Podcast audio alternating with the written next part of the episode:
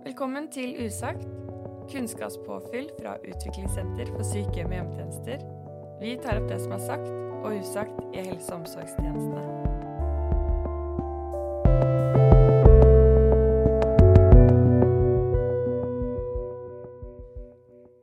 Dagens episode er den første av to deler spilt inn på Pasientsikkerhetskonferansen 2023.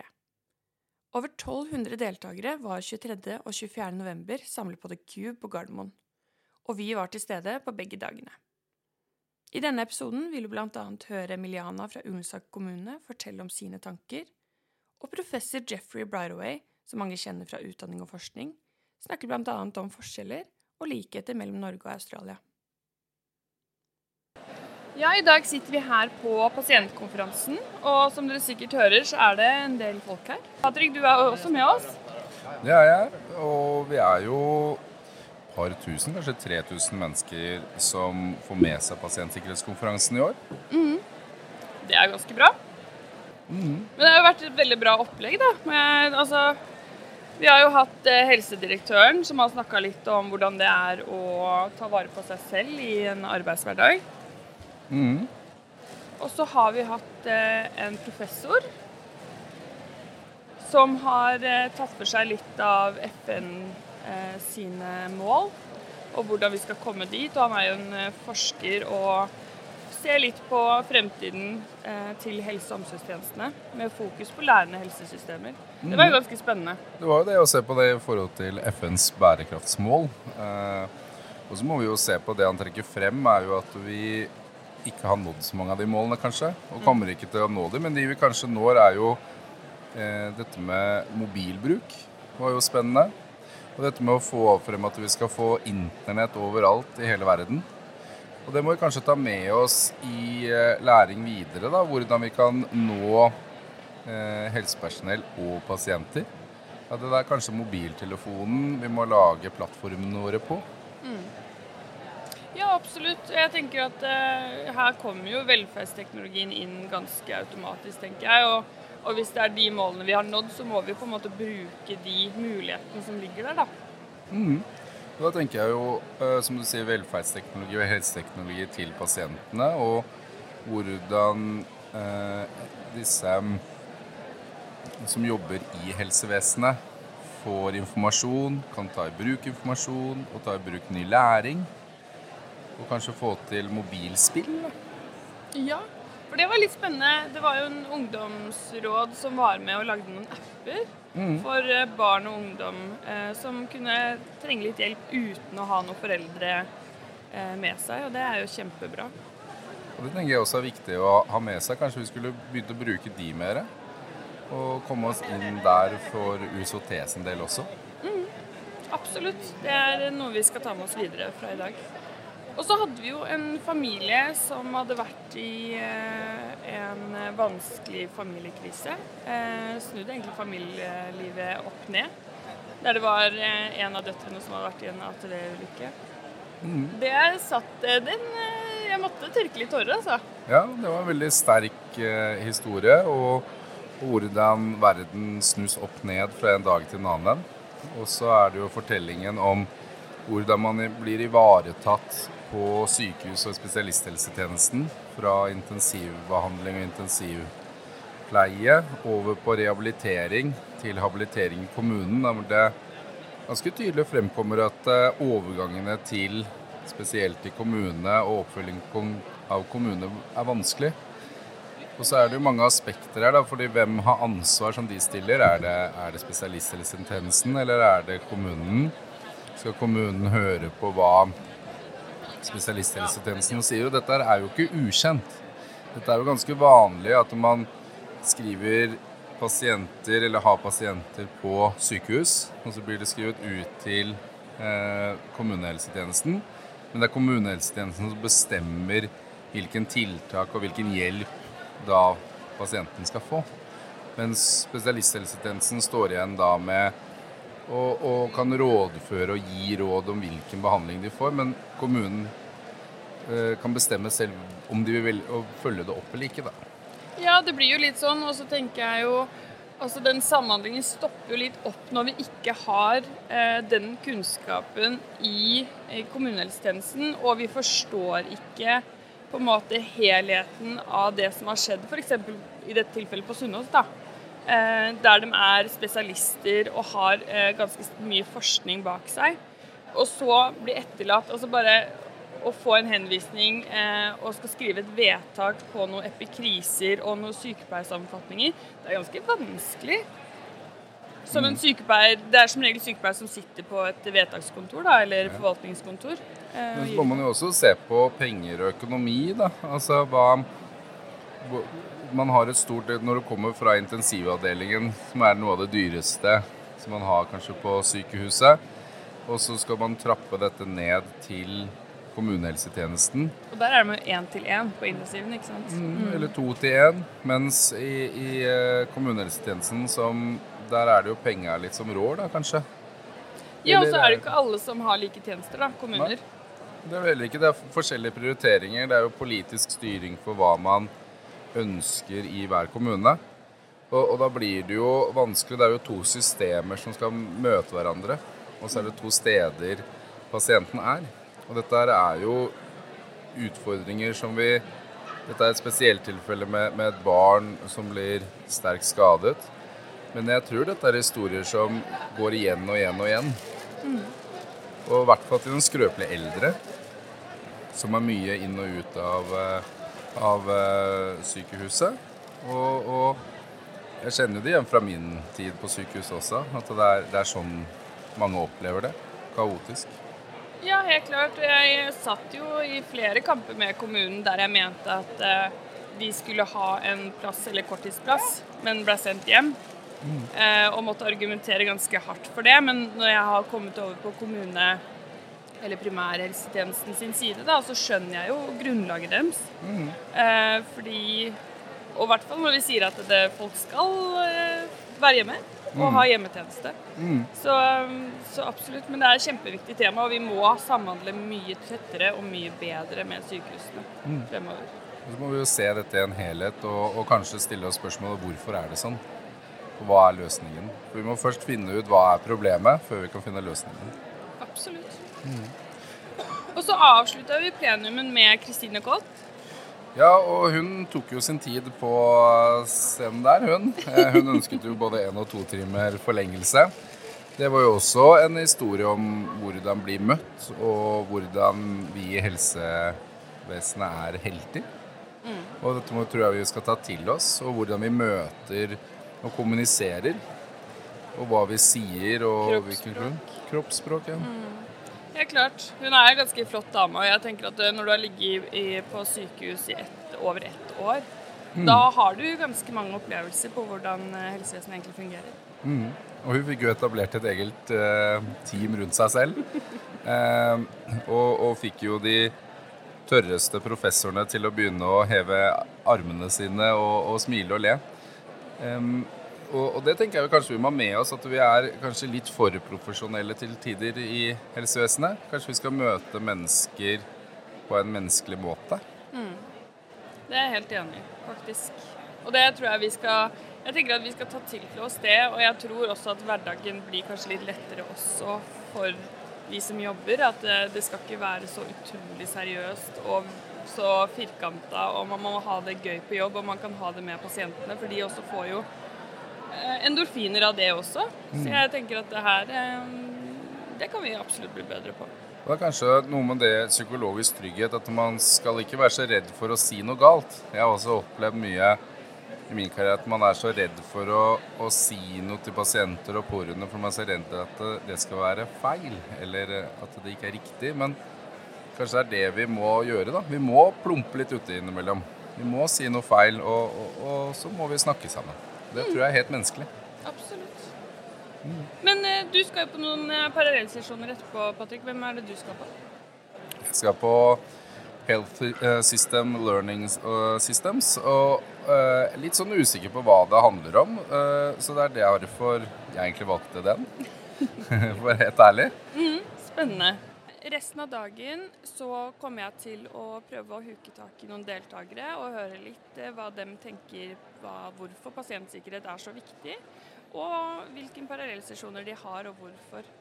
Eh, så dette blir en veldig veldig spennende dag som jeg har gleda meg lenge til. Ja, Skal vi se om vi finner noen spennende å snakke med. Absolutt, det skal vi gjøre.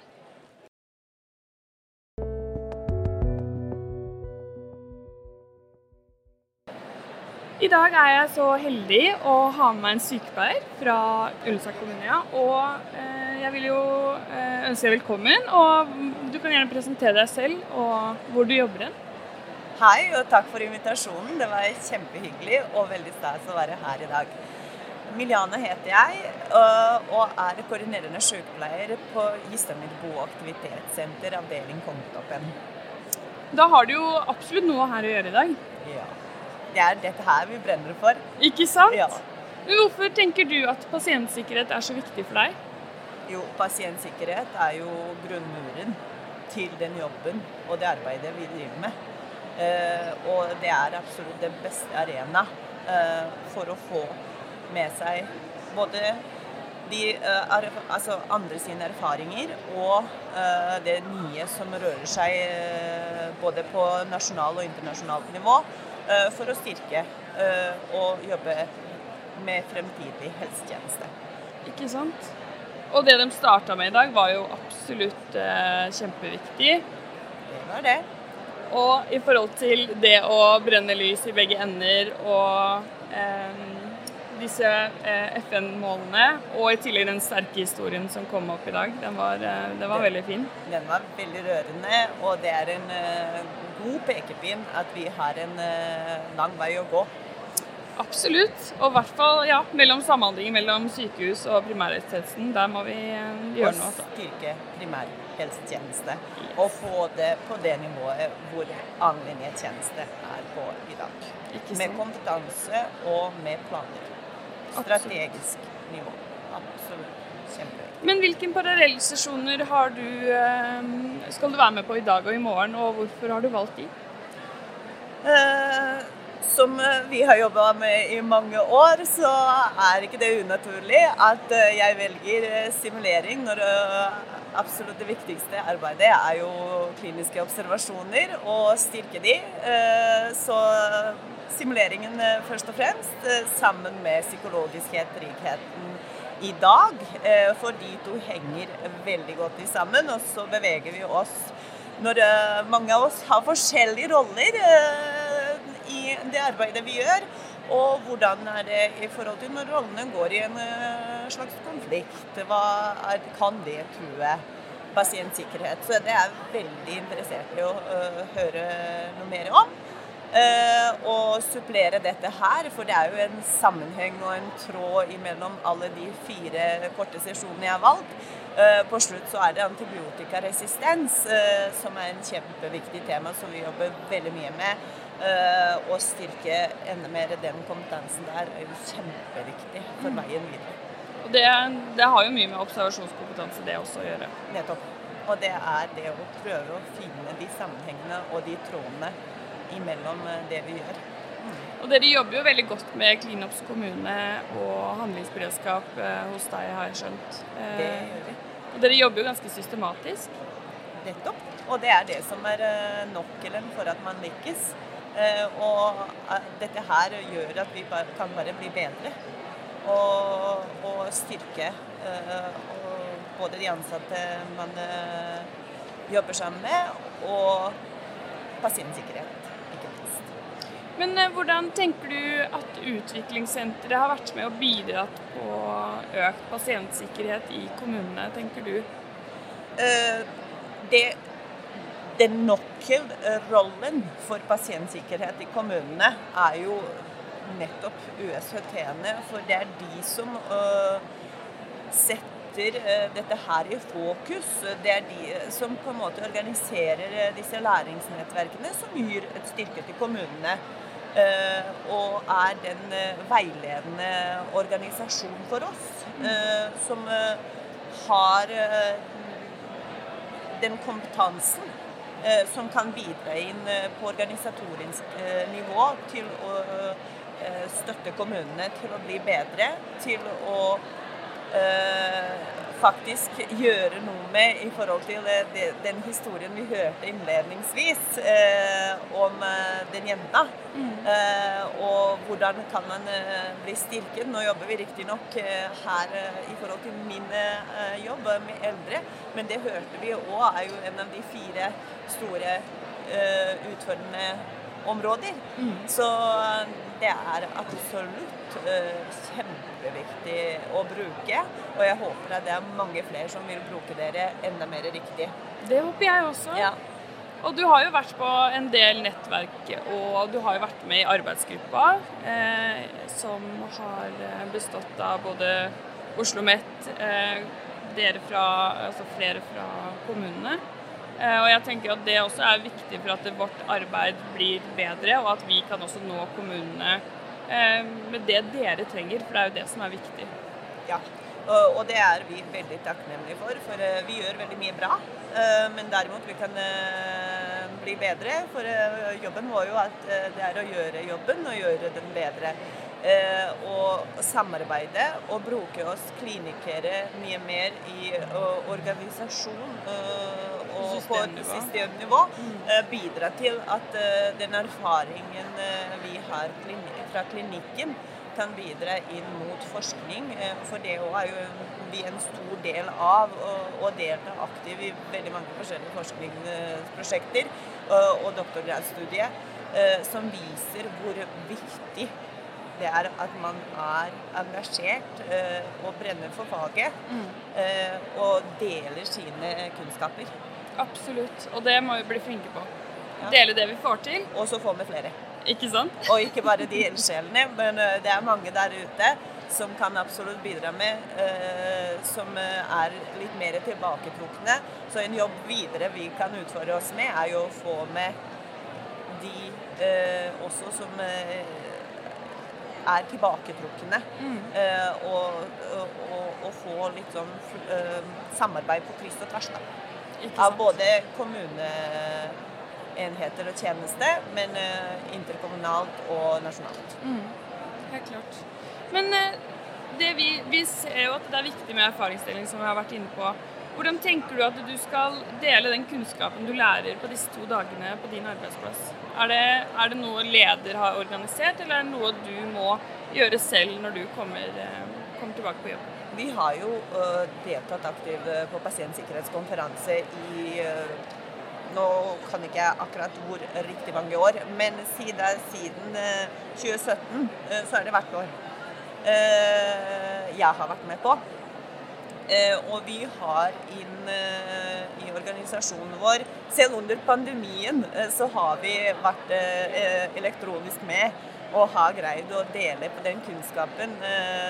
Og Eh, vi eh, går tilbake eh, og har både møter på avdelingsnivå og på enhetsnivå hvor det jobbes på flere nivå i å implementere noe av det vi jobber med i praksis. Mm. Så bra. Tusen takk for at du ville prate med meg. Veldig veldig spennende. Og vi møtes jo senere, vi. vet du. Bare hyggelig. Det gjør vi. Takk Tusen for nå. Takk. Ha det. Ha det.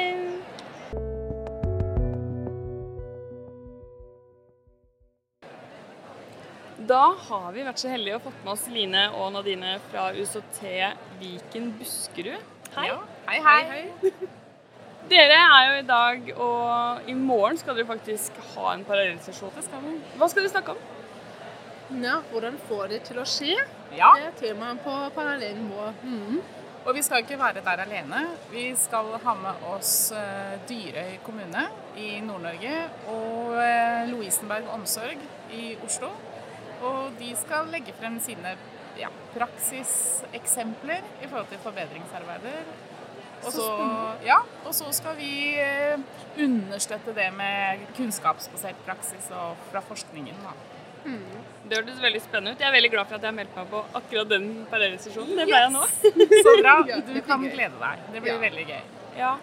Og jeg tenker at eh, når dere har eh, det samarbeidet, da, eh, og man ser det både fra kommunehelsetjenesten og spesialisthelsetjenesten og kunnskapsbasert mm. altså Du får ikke noe bedre tyngde enn det. Jeg tror det blir en veldig variert eh, parallellsesjon. Og så er det jo hele poenget med eh, Eller målet med den sesjonen er jo å gi innblikk i hva det er som skal til for å få ting til å skje. Eh, sånn at Dyrøy har klart noe, og Lovisenberg omsorg har også flere forbedringer eh, som gjør Som endrer praksis. Og, og kan vise til det.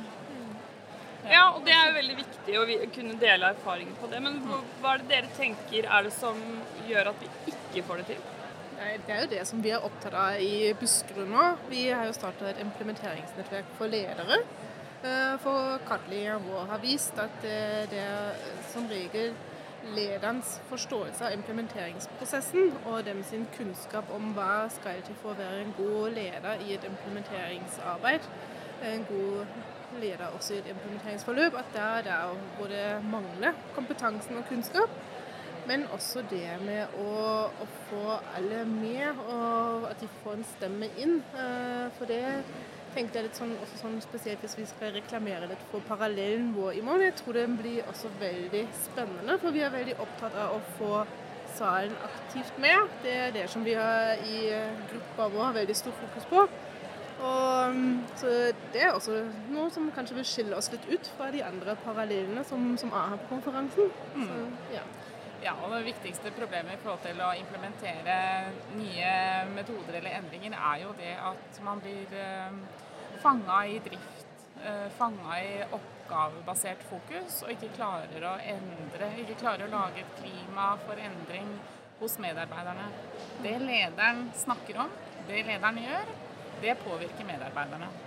Det gjør det helt klart. Eh, Hva er det du tenker utviklingssentrene kan gjøre for å bedre pasientsikkerheten, da? Det må jo være å være pådriver for endring, da. Og støtte kommunene i deres eh, behov og deres eh, arbeider med forbedring. Og det å kunne gi eh, kunnskapsbasert praksis til f.eks. ledere, da, at de får økt forståelse og kunnskap om hva implementering er. Jeg tenker Det er noe av det viktigste vi kan gjøre som utviklingssenter. Og ikke minst også det med, sånn som vi har nå veldig mye fokus på, at alt vi gjør eh, er en eh, aktivitet, et tiltak, som en del av et større mål som vi har i ØSHT. At eh, alle aktivitetene våre, enten om vi møter lederne fra kommunen, eller også den eh, ansatte som jobber ute i drift som fagansvarlig, så henger aktivitetene sammen. Og det har vi jo veldig stor fokus på også som USHT i dialog med kommunene, og vil da også gi god støtte til kommunene. At eh, nå lederne ikke bare er en del av implementeringsnettverk som vi akkurat har starta, men at de også kjenner til at eh, når fagansvarlige kommer til oss på fagnettverkene, så får de også både den eh, påfyllet kunnskapsbasert praksis, men også det med erfaringsdeling, sette det i kontekst. Eh, Så det er også en viktig støtte som vi som USOT kan gi til kommunene. At vi eh, møter dem som en helhet og, og gir gode ja, aktivitetene retta mot det. da. Ja. Og det gjør vi gjennom både nettverk, læringsnettverk, vi har fagsamlinger, og vi har jo prosessveiledninger i kommunen internt også. Mm. I både virksomheter, men også på systemnivå. Så vi har jo mye muligheter, og vi, eh, jeg tror at vi gjør noe bra. Det gjør vi, og vi kjenner jo kommunene. Vi kjenner kommunene våre godt, og det tenker jeg også er en veldig viktig del av det. Det er det helt klart. Nå skal dere få lov til å gå videre. Tusen takk for at dere tok en prat med meg. Takk for, Ja, takk for oss.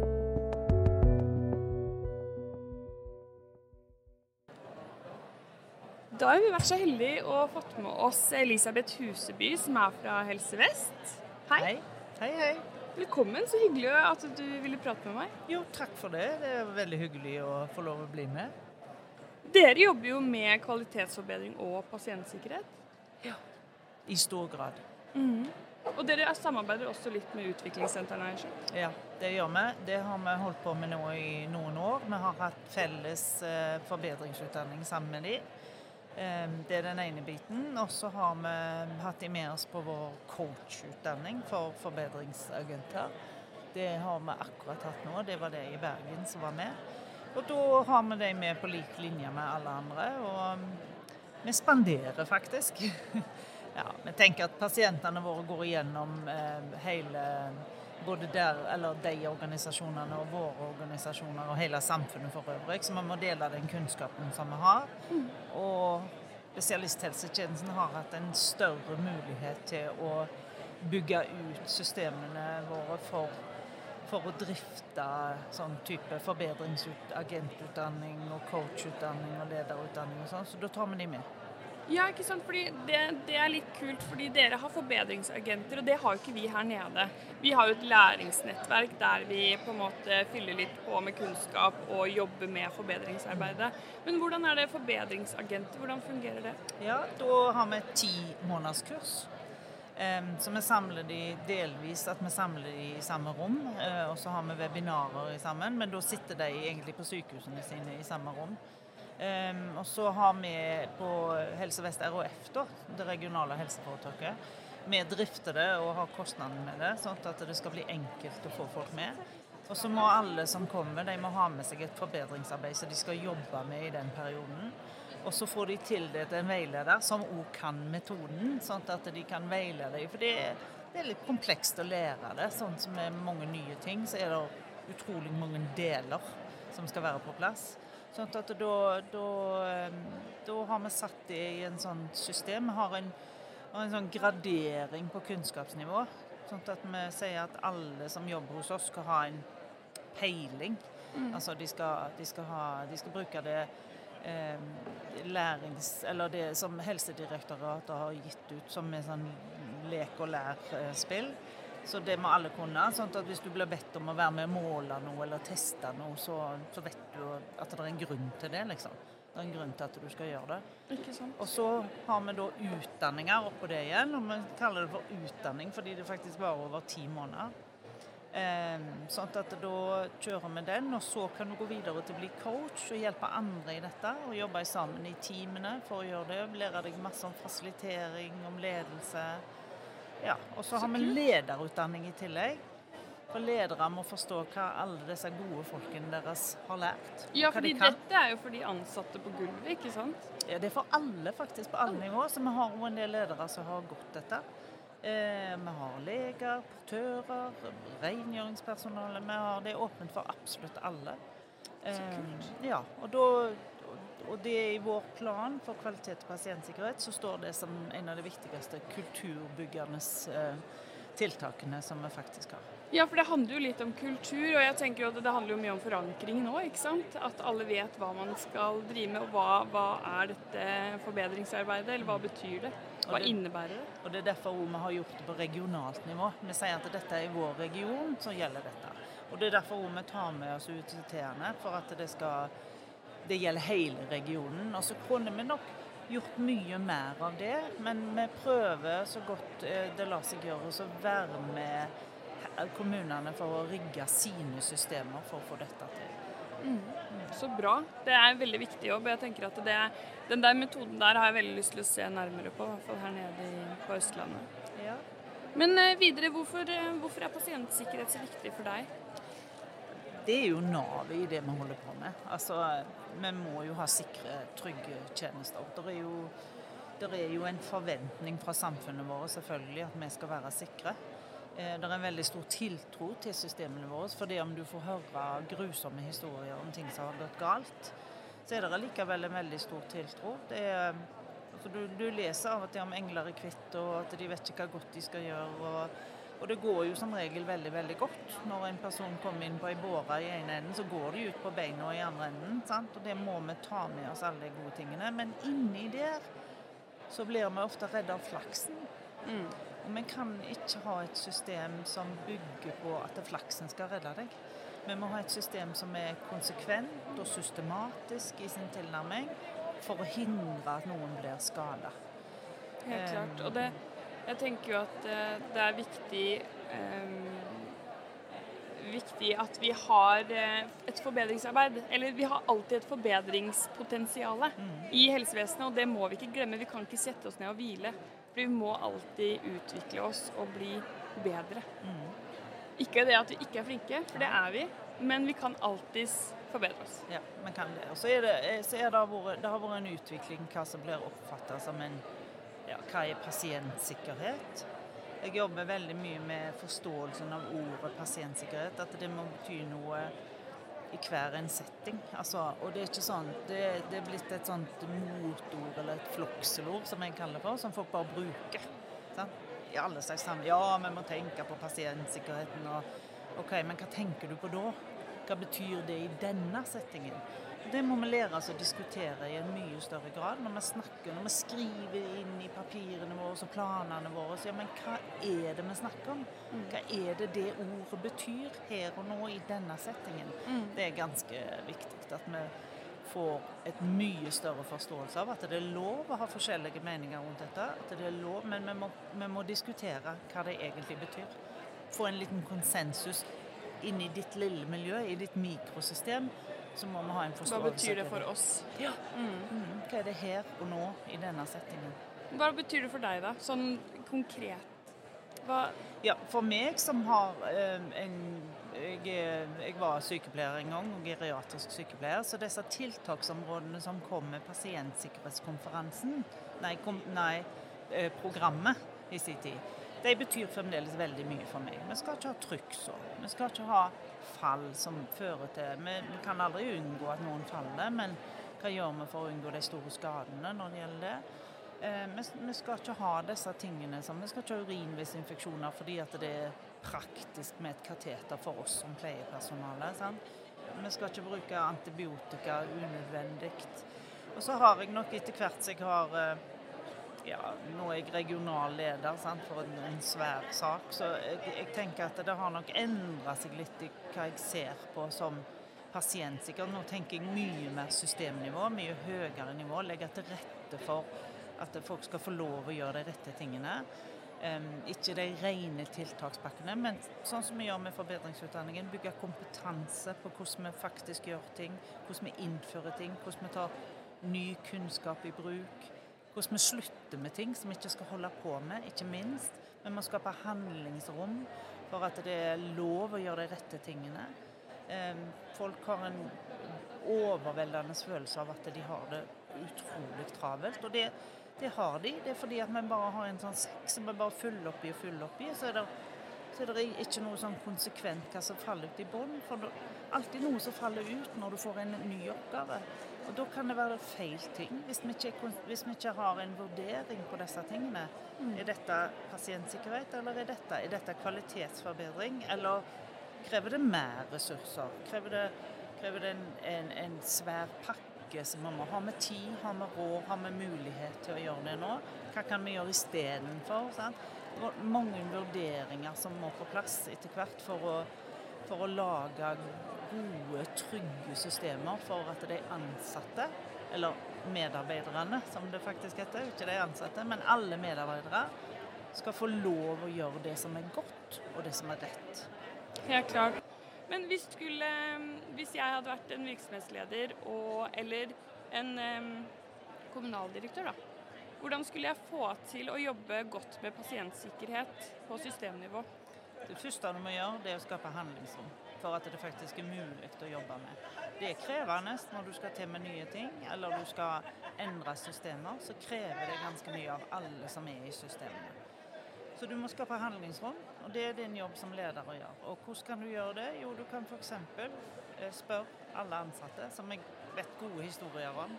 Spør alle ansatte hva er det vi gjør bra, hva skal vi gjøre mer av, hva skal vi gjøre mindre av. Hva er det vi ikke skal gjøre i det hele tatt? Hva er waste of time? Altså, å, jeg er så lei av dette, det fører ikke til noen ting. Plukk vekk de tingene. Plukk vekk de tingene som ikke er et absolutt krav fra myndighetene eller et lovkrav. Bare ta de vekk. Se hva som skjer. Vokt på prosessen. Skjer det noe galen hvis vi slutter å gjøre dette? Hvis svaret er nei, så bare slutt med det umiddelbart. Da skaper du et handlingsrom for å gjøre de rette tingene. Og du som leder er ansvarlig for å skape det rommet. Det kan, det kan du ikke legge på hver enkelt ansatt. Det er du nødt for å være en lederoppgave. Og du kan heller ikke gjøre det alene. Du må gjøre det sammen med medarbeiderne. Og dere må gjøre det som en felles joint venture, som jeg sier. Det må diskuteres, det må lages møteplassene. Altså mulighetsrommet for faktisk å få det til. Det er en absolutt leder. Det er det første du må gjøre. Og før du har gjort det, så, når du har gjort det, så kan du komme tilbake og spørre til resten av oppskriften. Men det, er, det tar litt tid, og det krever litt. Og eh, kanskje skal, må styret ditt være med, eller de folkevalgte må være med på denne tanken at vi skal slutte å gjøre noe. Gud forby. Sant? Hva vil folk si da? Men hvis du kan vise til at dette er skadelig eller fullstendig waste, det har ingenting for seg, da er det lettere å forstå at det er noe vi slutter med. Og det er jo kanskje et starten på et forbedringsarbeid. For da begynner du egentlig med forankringen og mulighetsrommet. Det er det viktigste. Det er jo på en måte fase én. Ja, det er det. Og så må du forstå hvorfor dette er et problem. Absolutt. Det må du. Kjempeviktig. Men dette var utrolig spennende. Jeg er veldig veldig glad for at du kunne stikke innom. Og tusen takk for at du kom. Tusen takk for at jeg fikk lov å komme. Ha det. Ha det.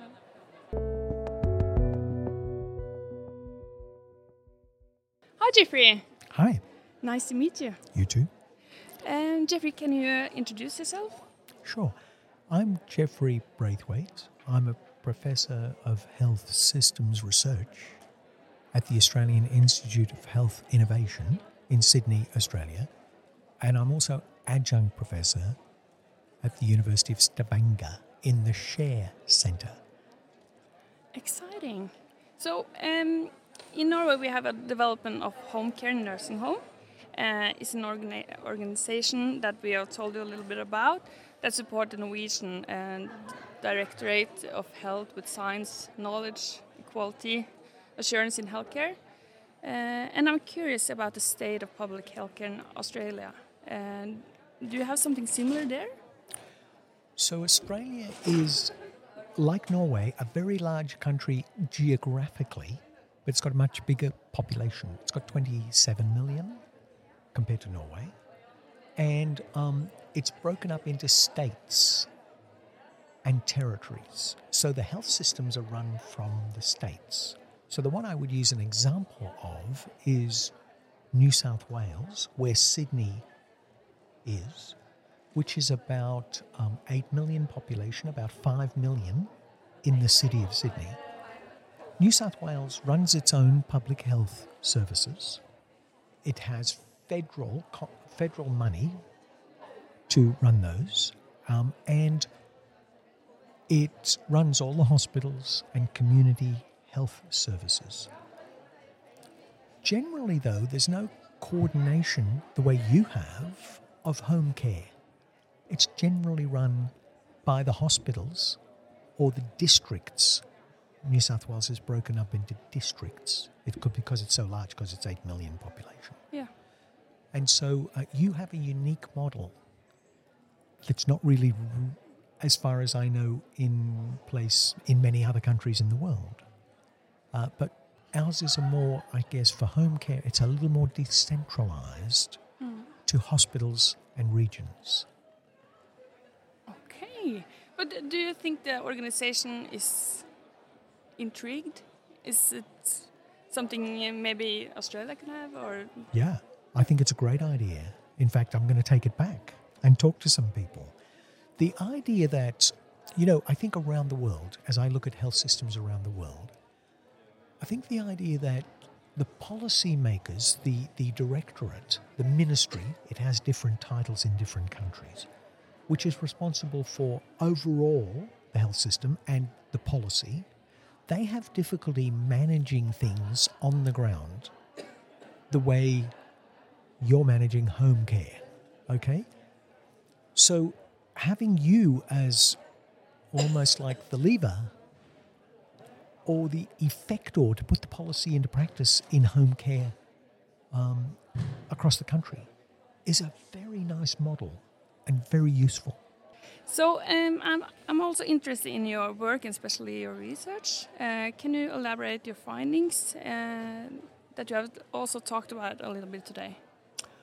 So um, I, I run a research institute which has 300 people and 120 projects going on at any point in time, and millions of dollars of research funding. So I chose some specific things to map to this conference. Okay. Now, what's this conference about? It's about quality and safety. And today, the first day, um, was on individual aspects of quality and safety, and tomorrow it's on the system, the system itself. So my work in those areas is international. So I work with um, the International Society for Quality in Healthcare. I'm the president at the moment, and also with the OECD and the WHO, just by way of example. So I'm very interested in how do health systems, different kinds of health systems, like Australia's, like Norway's, how do they do quality and safety better? So that's a lot of my research that I've talked about today is on that topic. Specifically, what I'm interested in is look, it's not easy to run health systems today. After COVID, we're not really after COVID completely yet, but after the worst effects of COVID, we've had trouble motivating staff. People didn't want to work in staff. didn't want to work in health. You are so right. People didn't want to work in healthcare anymore.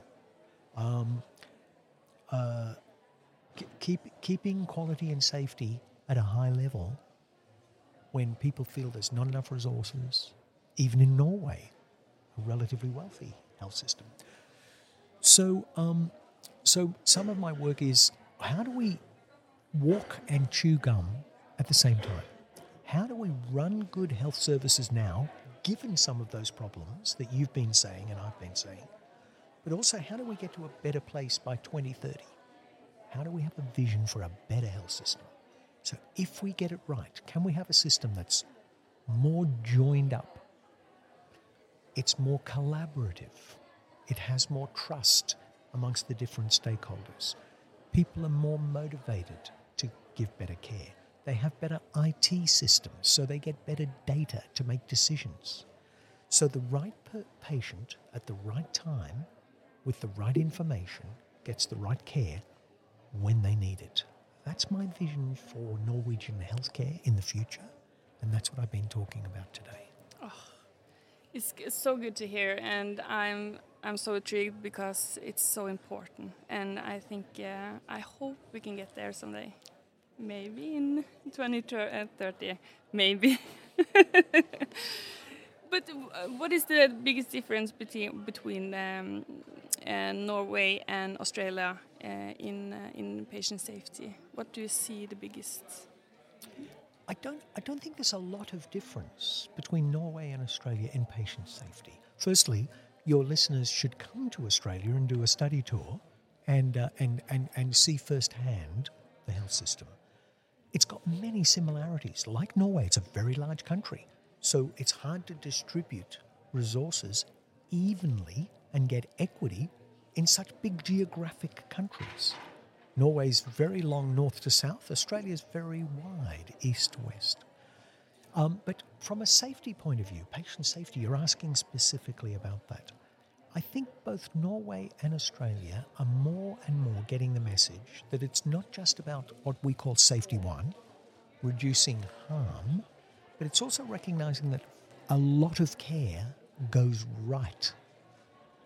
An intriguing question to ask healthcare is how come in a complex system, a system this complex, so much care goes right and doesn't have harm? We call that resilient healthcare, when the health system is flexing and adjusting and doing well to produce good quality care all the time. Best practice. So we need to understand not just when errors, adverse events, and harm occurs, we need to understand how come healthcare produces so much good care and how can we do more of that? Yeah, because we we do produce good healthcare. Australia and Norway. Yeah. So I think Norway and Australia are both asking a similar question. How do we stamp out harm, get less harm, but how do we also produce more good care? The care that we know is very good for patients that we deliver a lot of. That's an intriguing research question, but it's an intriguing question for everyone on the front lines of care delivering those services to patients. Thank you so much for coming and talk to me. Uh, and I'm wishing you so good luck with the research, uh, and I'm going to follow you. Absolutely. Thank you. And can I just say, I'm very sorry I didn't give this in Norwegian. Oh, it's okay. But um, tusen takk for invitasjonen. Tusen takk.